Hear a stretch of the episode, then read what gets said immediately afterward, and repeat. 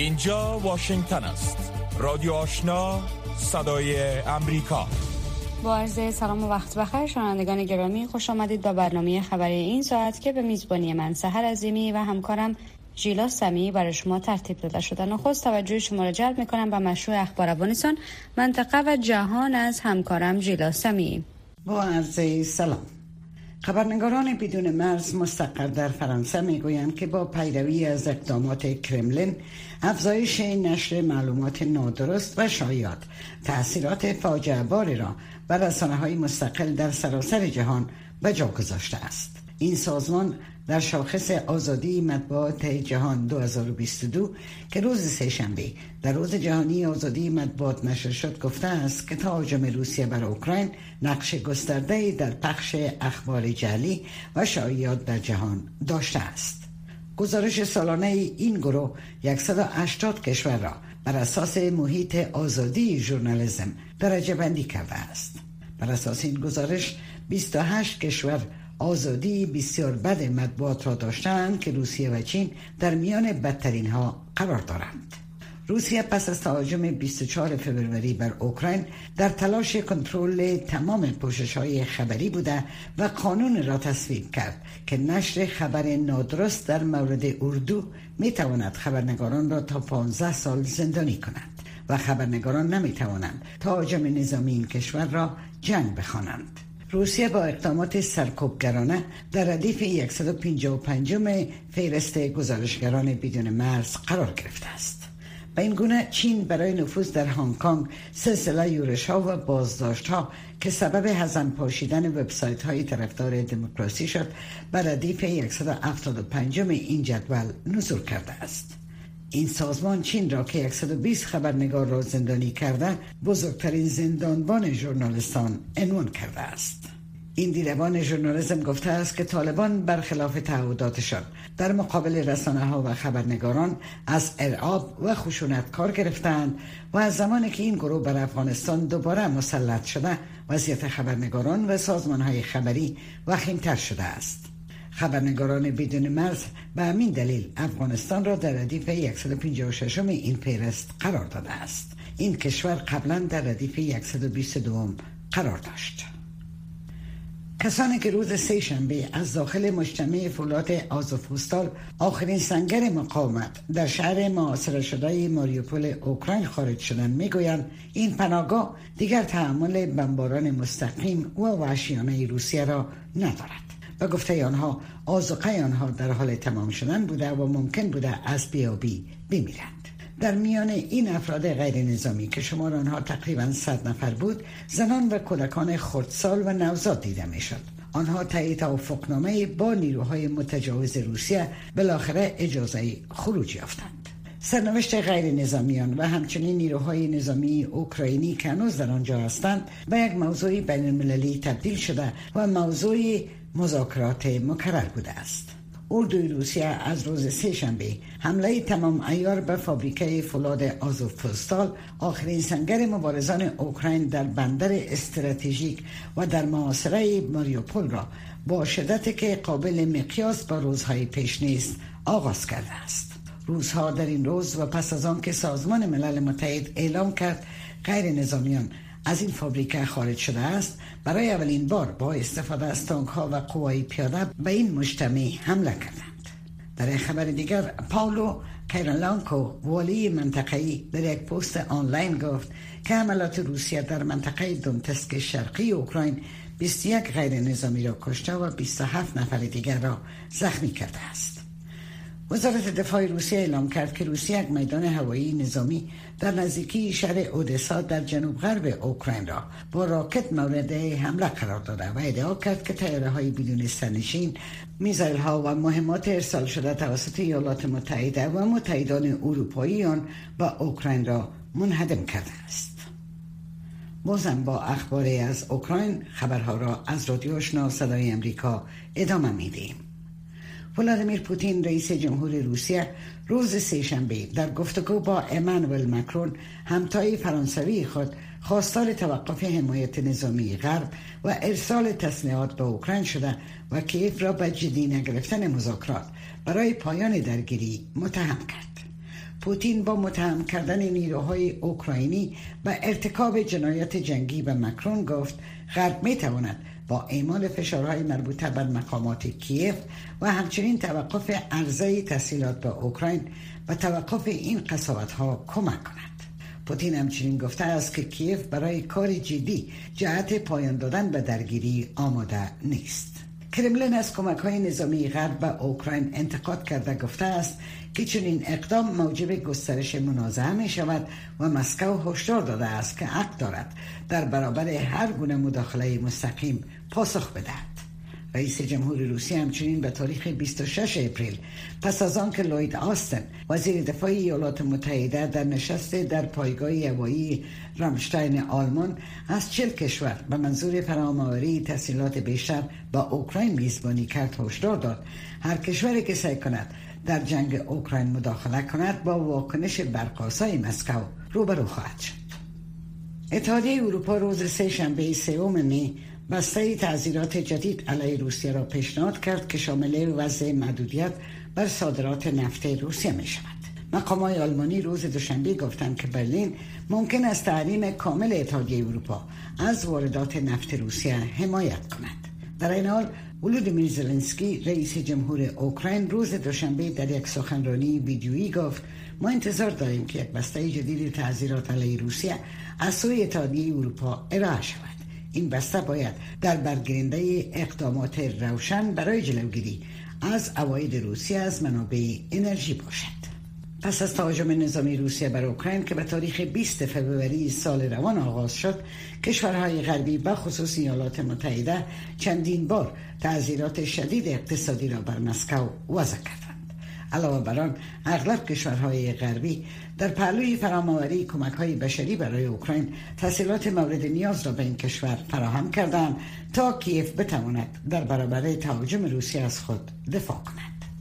و جنگجویان الشباب مسلح به اسلحه و مواد منفجره روز سه شنبه به پایگاه اتحادیه افریقا در سومالیا حمله ور شدند و درگیری شدیدی را آغاز کردند که منجر به کشته شدن تعداد نامعلوم از آفزان صلح برونودی شد. دولت سومالیا و اتحادیه افریقا این حمله تروریستی را محکوم کردند اگرچه تعداد کشته شدگان را فاش نکردند. یک افسر بلندپایه اردوی برونودی به خبرگزاری فرانسه گفت که حدود سی سرباز کشته و 22 سرباز دیگر زخمی شدند و 12 نفر ناپدید است.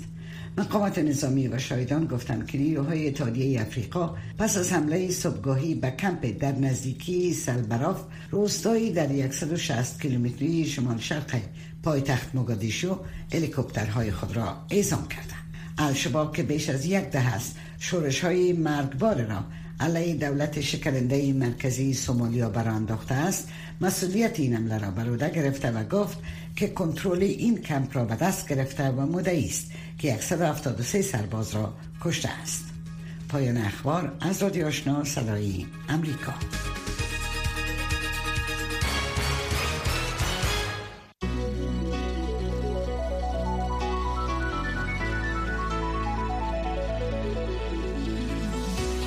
صدای امریکا در فیسبوک facebook.com voa دری.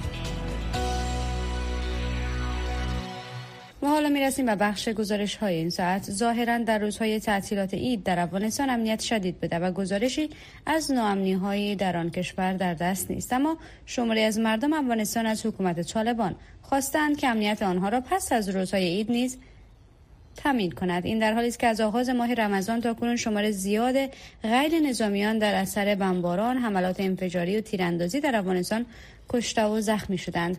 نسرین محمود عزیزی در مورد افزایش ناامنی ها و تاثیرات آن بر آینده افغانستان مصاحبه با دکتر حیدر عدل تحلیلگر امور سیاسی انجام داده که بعد توجه رسانیده می شود دکتر سب عدل در حالی که طالبان میگن داعش در افغانستان حضور نداره. وقوع انفجارها و کشته شدن افراد غیر نظامی در افغانستان چی توجیه می‌تونه داشته باشه؟ بله تا حدود حرف طالبان دقیق است. گرچه می‌خواین برای کشورهای جهان چنین وانمود بکنن که گویا ما همه قلمرو افغانستان تحت تاثیر خود داریم و فعالیت گروه های دیگی مثل داعش القاعده و اینا از تحت کنترل ما هست. اما واقعیت هم است که خود از اینا چند گروه هستند که بیشتر این حوادثی که متاسفانه در ماه رمضان اتفاق افتید که بیشتر از 700 800 شهروند کشور ما چی خورد چی جوان چی پیر چی زن چی مرد کشته شدن با این حوادث و انتحاری ها و بمگذاری ها به همگان واضح هست که طالبا چند گروه هستند و یکی از گروه های اینا گروه تروریستی شبکه اقانی هست که اونها از سالیان متمادی به این طرف اینی حوادث در سراسر افغانستان سازمان می‌دادن و این ها به وجود می آمد و مردم بیگناه کشته می شدن حالا هم این حوادث اخیر چنین می‌تونیم بررسی بکنیم که این گروه جز از شریعت خودشان دیگر طریقه ها را دیگر مذاهب و امثال از اینا را اینا اجازه نمیتن یا می‌خواین تحت تاثیر خود داشته باشند یکی از عواملی که این بمگذاری های اخیری اتفاق افتید ما شما به سراحت می‌تونیم ببینیم که در جاهای اتفاق افتید که گویا به خواست و میل شریعتی که این گروه اقانی و بعضی از افراطی های طالب به اصطلاح عمل می‌کنن نیست. به این دلیل اما دو حدود اعلان شد که گویا داهش این مسئولیت ها را به عهده گرفته و از طرف هم طالب میگه که داهش وجود نداره. شاید در یکی دو حوادث باشد. این گروه های دیگه هم باشه. ولی بیشتر از اون مردم افغانستان حتی بینی عقیده هستند که یک شاخه از گروه طالبا دست به چنین اعمال زشت و غیر انسانی می‌زنن و انسان های را به خاطر اونمو عقاید بسیار افراطی که دارن از بین می‌برن مردم از مقامات طالبا می‌خواهند که امنیتشان مثل روزهای عید در روزهای عادی هم تامین بکنن اما این مسئله چقدر امکان پذیر خواهد بود؟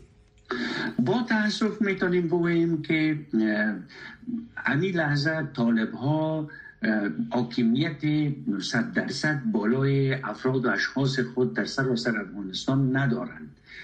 ظاهرا تا حدود زیر فشارها و تلاشها کوشش می‌کنن که مانع فعالیت های تخریبی گروه خود شوند. اما ما شما همه شاهد هستیم می‌بینیم که در نقاط مختلف کشور بعضی از اینها یا قماندانهایشان یا افراد اشخاصشان به اساس همو اقده های فامیلی شخصی یا گروهی که دارن اعضای رژیم سابق به خصوص بخش نظامی ها را از منازلشان می‌کشن اختطاف می‌کنن و بعدا با شکنجه او را از بین می‌برن که این ناشی از ضعف رهبری و سازماندهی گروه طالبان است. اگر واقعا این گروه ادعا داره که ما حاکمیت داریم در قلمرو افغانستان و همه چیز تحت کنترل ما هست باید این عمل تکرار نکنن و همه افراد خود تحت کنترل داشته باشند و نگذارن که خودریزی ها ادامه پیدا بکنن.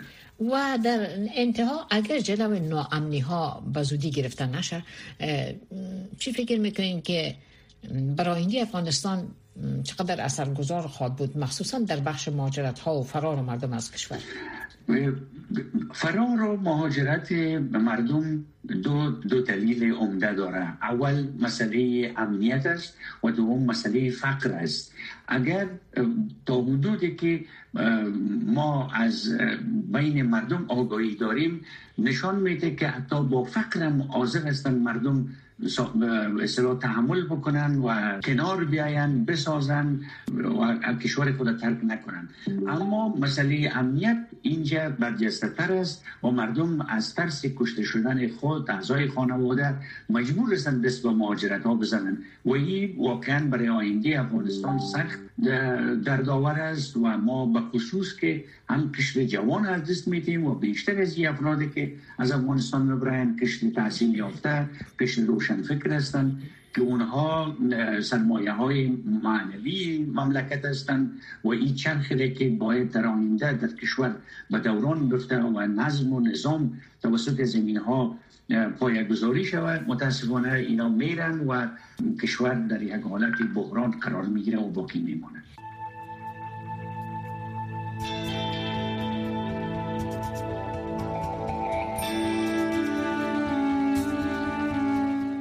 صبح را با رادیو آشنا آغاز کنید. کمیته حفاظت از ژورنالیستان محدودیت های وضع شده بر رسانه ها و روزنامه نگاران را در افغانستان توسط طالبان یک گام نهایت ناامید کننده عنوان کرد. استفن بتلر هماهنگ کننده برنامه آسیا در کمیته حفاظت از ژورنالیستان در مصاحبه با همکارم قدیر مشرف گفت که یافته های این نهاد نشان می‌دهد اداره استخبارات طالبان نقش مستقیمی در نظارت بر مطبوعات داشته و حاکمیت خود را بر رسانه ها اعمال کردند. آقای بتلر اما با ابراز امیدواری کرده که شاید صداهای معتدلتر طالبان در آینده قوی تر شود. توجه نمایید به این مصاحبه. تشکر از وقتتان. پس از تسلط طالبان بر افغانستان این گروه به گونه بسیار جدی مطبوعات و آزادی رسانه ها را محدود ساختند بررسی با یافته های کمیته حفاظت از ژورنالیستان در خصوص آزادی بیان در حاکمیت طالبان چی است؟ Well, it's very disappointing what we're seeing happen. خب آنچه مشاهده می کنیم جای نهایت تاسف است. در اوایل دیدیم و فکر می کنم که اندک امید وجود داشت که مطبوعات مستقل بتوانند آزادانه فعالیت کنند. اما چنین اتفاق نیفتاد.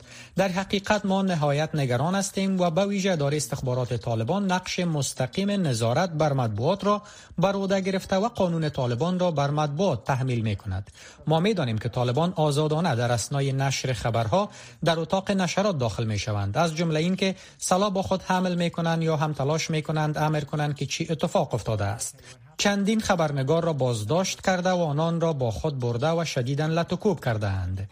پس از گذشت یک مدت زمان آنان را دوباره رها کرده اند. اما این نهایت نگران کننده است. اکنون درست است که خبرها تا حد به نشر می رسند. اما مردم باید نهایت محتاط باشند چرا که طالبان ثابت کرده اند که در برابر پوشش های خبری منتقدانه بسیار حساسند. خب قسم که شما هم گفتن طالبان اکثر خبرنگاران هدف قرار دادن بازداشت لطوکوب و شکنجه کردند دیدگاه شما چی است؟ چرا طالبان به ویژه خبرنگاران افغان و محلی را هدف قرار میتن خب آنها خبرنگارهایی هستند که باقی ماندند به مردم افغانستان گزارش می دهند پس واضح است که طالبان می خواهند کنترل افکار مردم افغانستان را درباره کاری که انجام می دهند در دست داشته باشند. به خاطر که این کار می تواند بر حمایت مردمی تاثیر کند. همچنان ما می دانیم که طالبان یک نظام نسبتا سخت گیرانه دارند. من تردید دارم که آن را اسلامی بنامم. به خاطر که آنها آن را اسلامی می خوانند اما هیچ کس قبول ندارد که این بخش از اسلام است. اما در هر صورت نظامشان سخت گیرانه است. به طور مثال آنان موسیقی را منع کردند نشر سیریال ها را متوقف ساختند و فقط می خواهند تا این حد بر مردم افغانستان کنترل داشته باشند. خب اما بسیاری از خبرنگاران محلی و خارجی که بر رسانه های بین کار می‌کنن اونا آزادانه فعالیت می‌کنن.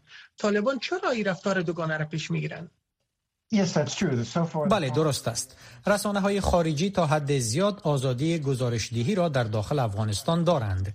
هنوز به پیمانه مشابه هدف قرار نگرفتند استثناءات وجود دارد. ما اسناد را جمع آوری کرده ایم بازداشت یک خبرنگار ایرانی که داره استخبارات طالبان ادعا کرد که اسناد درست در دست نداشت. رویداد مشابه با خبرنگار بی بی سی رخ داد و به خاطر که طالبان ادعا کردند که اسناد معتبر با خود نداشت اما واقعا مشخص نشد که چرا بازداشت شد. ظاهرا او در زندان مورد آزار و اذیت هم قرار گرفته بود. با این همه مسائلی که شما یادآور شدن آینده مطبوعات و آزادی بیان در افغانستان تحت حاکمیت طالبان شما چگونه بررسی می‌کنند؟ خب با این شیوه بسیار خوشبینانه نیست. ما نگران هستیم که به طور مثال طالبان ممکن تلاش کنند اینترنت را قطع کنند یا هم خبرنگاران خارجی را منع کنند. از طرف دیگر شما می‌دانید بسیاری از طالبان همچنان مردمان عملگرا و واقعگرااند طالبان یک جنبش متحد نیست. لذا می توانیم امیدوار باشیم که ممکن صداهای میان روتری از میان آنان قدرتمند شوند. فکر نمی کنم که مطبوعات آنچنانی که در حکومت قبلی آزاد بود اکنون آزاد است. می توانیم امیدوار باشیم که تا حدود توانایی خبرنگاران برای گزارش دهی مسون خبرها وجود داشته باشد. خب طالبان میگن که بازادی بیان و رسانه ها بر اساس چارچوب اسلام و منافع ملی احترام دارند نظر شما در این رابطه چی است؟ ببینید در سرتاسر سر جهان کشورهای عمدتا اسلامی وجود دارند که مطبوعات نسبتا آزاد دارند و به نظر نمی رسد که آنها نگران برخی از تضادها با اعمال اسلامی باشند. من فکر نمی کنم چیزی در ارزش های اسلامی وجود داشته باشد که مانع آزادی بیان شود. من ممکن است متخصص اسلام نباشم اما فکر می کنم همچون یک موضوع نیست. فکر می کنم این یک موضوع نادرست است. رادیو آشنا صدای امریکا. پنج تا هفت صبح و هفت شام تا ده شب. تازه ترین خبرها و گزارش ها زبی الله مجاهد سخنگوی حکومت طالبان میگه آزادی رسانه ها به مفهوم آن است که به اساس قانون فعالیت داشته باشند و احضار آنان برای وضاحت دادن و مفهوم زندانی نمودن خبرنگاران نیست. آقای مجاهد در مصاحبه با نجیب خلیل به صدای آمریکا گفت نشرات بعضی رسانه های بین المللی به دلیل نشر تصاویر و اخباری مسدود گردیده که مطابق قوانین اسلامی نبوده است. تعریف شما یا حکومت طالبا از آزادی بیان و آزادی رسانه ها چی است؟ آیا کدام تعریف مشخص شما داریم؟ طبعا رسانه رول بسیار مهم در زندگی انسان داره و در افغانستان هم رسانه هایی که فعالیت دارن جزء مهمی از جامعه است آزادی مطبوعات یا آزادی رسانه ها به این معناست که آنها در تمام فعالیت هایی که به خیر نفع و بهبود مردم و کشور باشه آزاد باشند همچنان در حدود قانون که برشان تشریح توضیح شده فعالیت داشته باشند و محدودیت های سرشان اعمال نشود ما تلاش می‌کنیم که همچه فضایی را برای مطبوعات داشته باشیم و مطبوعات افغانستان هم قسمی که ایجاب می‌کنه آزادانه فعالیت داشته باشه گزارش های نهادهای مستقل حامی خبرنگاران و حقوق بشر غیر آنچه را میگن که شما امیال گفتین. یک نهاد داخلی حامی حقوق خبرنگاران به صدای امریکا گفت که تا حال تقریبا 139 خبرنگار در افغانستان بازداشت شده مورد تحقیر و توهین قرار گرفته شده و شکنجه شدن ای به این مفهوم است که در هر روز حکومت داری طالبان یک نفر مورد شکنجه قرار گرفت. و دومی که اینا نه امین نهاد نمی‌خواه که نامش به خاطر ترس از طالبان افشا شود. به این مورد شما چی میگین؟ اول خب اون نهادی که نمی‌خواه نامش افشا شود به این معناست که شاید نهاد نباشه کسی باشه که در این مورد پروپاگند بکنه و علیه ما سویزان را ایجاد بکنه. یعنی من تایید نمی کنم نهادهایی که ما امرایشان شناسایی داریم در تماس هستیم صدای آنها را میشنویم.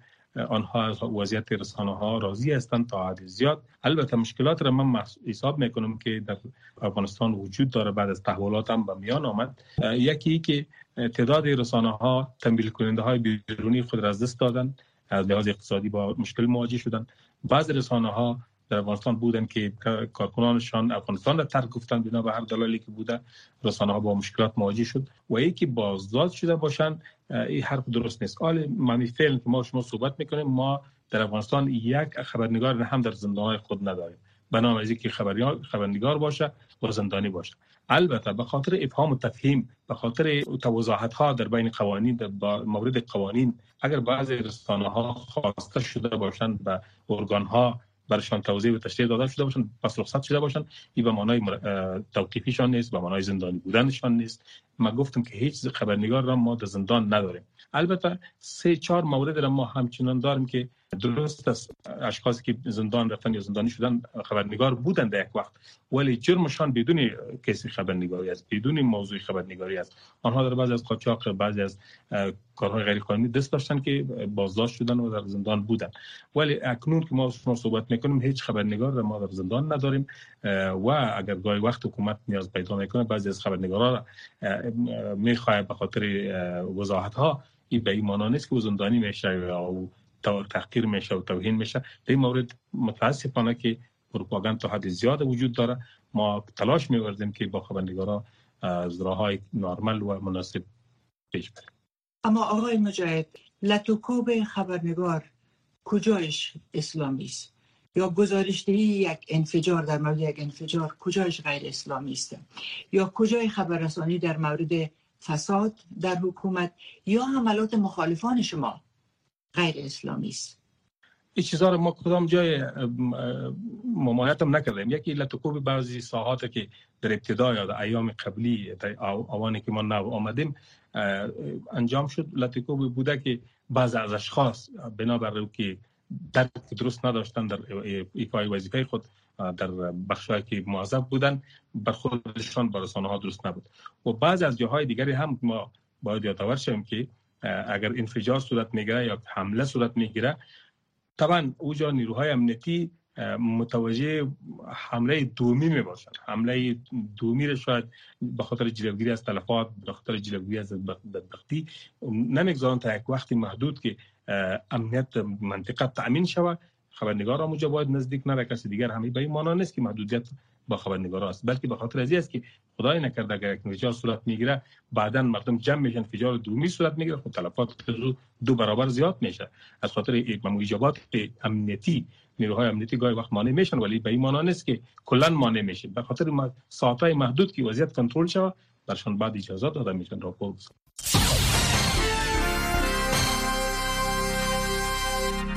سرمقاله ای را که می شنوید دیدگاه های حکومت ایالات متحده را منعکس می کند. ارزیابی سالانه تهدیدات که اخیرا از سوی نهادهای استخباراتی ایالات متحده نشر شده پیش بینی کرده است که ایران با فعالیت های گسترده زیانبار برای اعمال نفوذ و مسابقه یک تهدید منطقی باقی خواهد ماند.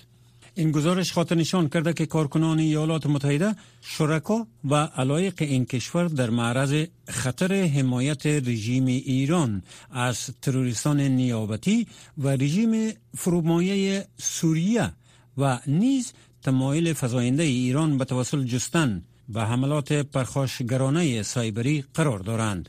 بر علاوه ایران همچنان به کار در زمینه برنامه میزایل بالستیکی خود ادامه داده و فعالیت های مشخص هسته را فراتر از حدود تعیین شده در توافق هسته ایران اثر گرفته است. حکومت پیشینی ایالات متحده از این توافق که به نام پروسه جامع اقدام مشترک شناخته می شود در سال 2018 بیرون شد. در یک سال گذشته ایالات متحده سرگرم مذاکرات غیر مستقیم با ایران بوده است تا هر دو جانب به تطبیق کامل برنامه جامع اقدام مشترک برگردند. آنگونه که نت پرایس سخنگوی وزارت خارجه ایالات متحده گفت هر چالشی که از ناحیه ایران با آن روبرو هستیم یا روبرو خواهیم شد چه حمایت آن کشور از جنگجویان نیابتی حمایت از گروه های تروریستی برنامه میزایل بلاستیکی مقابله با همه آن دشوارتر خواهد بود که اگر ایران سلاح هسته‌ای در دست داشته باشد.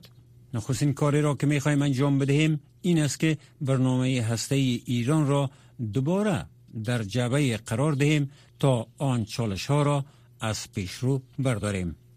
پیشرفت قابل ملاحظه در مذاکرات هسته‌ای ایران رونما شده است.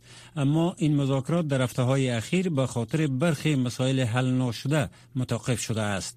آقای پرایس در کنفرانس خبری گفت که ایالات متحده برای برگشت به تطبیق کامل برنامه جامع اقدام مشترک آماده است. او گفت همچنین برای تلاش های گستردهتر دیپلماتیک برای حل مسائل خارج از برنامه جامع اقدام مشترک آماده هستیم. اگر ایرانی ها بخواهند که از این مذاکرات برای حل مسائل دو جانبه استفاده کنند مطمئن هستیم که در خصوص برنامه جامع اقدام مشترک به یک تفاهم رسیده و می توانیم به تطبیق دوباره این توافق آغاز کنیم. ایران باید این تصمیم را اتخاذ کند. نت پرایس تاکید کرد که ایالات متحده به پیمانه برابر آماده سناریویی است که در آن دو جانب به تطبیق برنامه جامع اقدام مشترک برگردند و سناریویی که در آن برگشت دو جانبه وجود نداشته باشد. ما سناریوی نخست را به شدت ترجیح می دهیم تا برنامه جامع اقدام مشترک را با حدود قابل تأیید و دائمی داشته باشیم که دوباره بر برنامه هسته ایران اعمال شود. اینکه برای دستیابی به آن قادر خواهیم بود یا خیر این پرسش به ایران مربوط می شود آنچه را شنیدید باستاب دهنده نظر حکومت ایالات متحده بود.